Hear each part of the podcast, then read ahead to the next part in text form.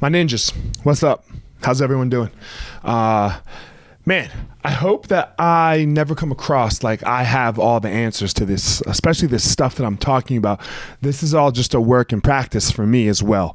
Uh, something, things, things that I'm trying to be better at and really work on for myself. So a lot of times, guys, uh, I want you to realize that, man, I might just be talking to myself. Um, so that I can be better one of the things, and I'm going to give you an example of this now, is one of the things that happened the other day is we were recording.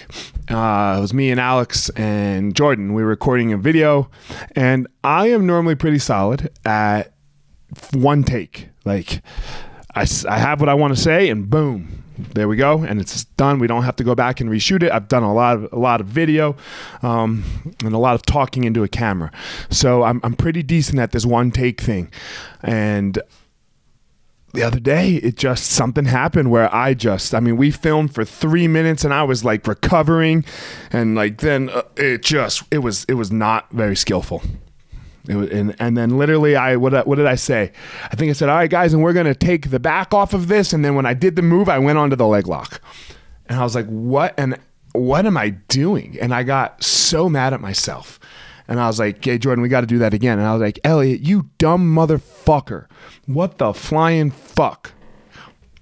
And then Alex looked at me right as I said that, and he goes, "Do you think that helped?" And I was like, "No, of course not." right? Me berating myself for a mistake that I make, just just a human error, just just just an everyday, every person type error and me cursing at myself and calling me name myself names what good did that do? How did that possibly help me in any moment do it better? Crushing myself if I don't have space for myself to mess up, then what's it going to look like when my kids mess up? What's it going to look like when my wife makes a mistake? What's it going to look like when my friends make a mistake? What's it going to look like when I have a business partner and we're in the, we're in the middle of corona, right? And I have this whole team of people and we make a wrong decision and we have no clue what we're dealing with. What's that going to look like?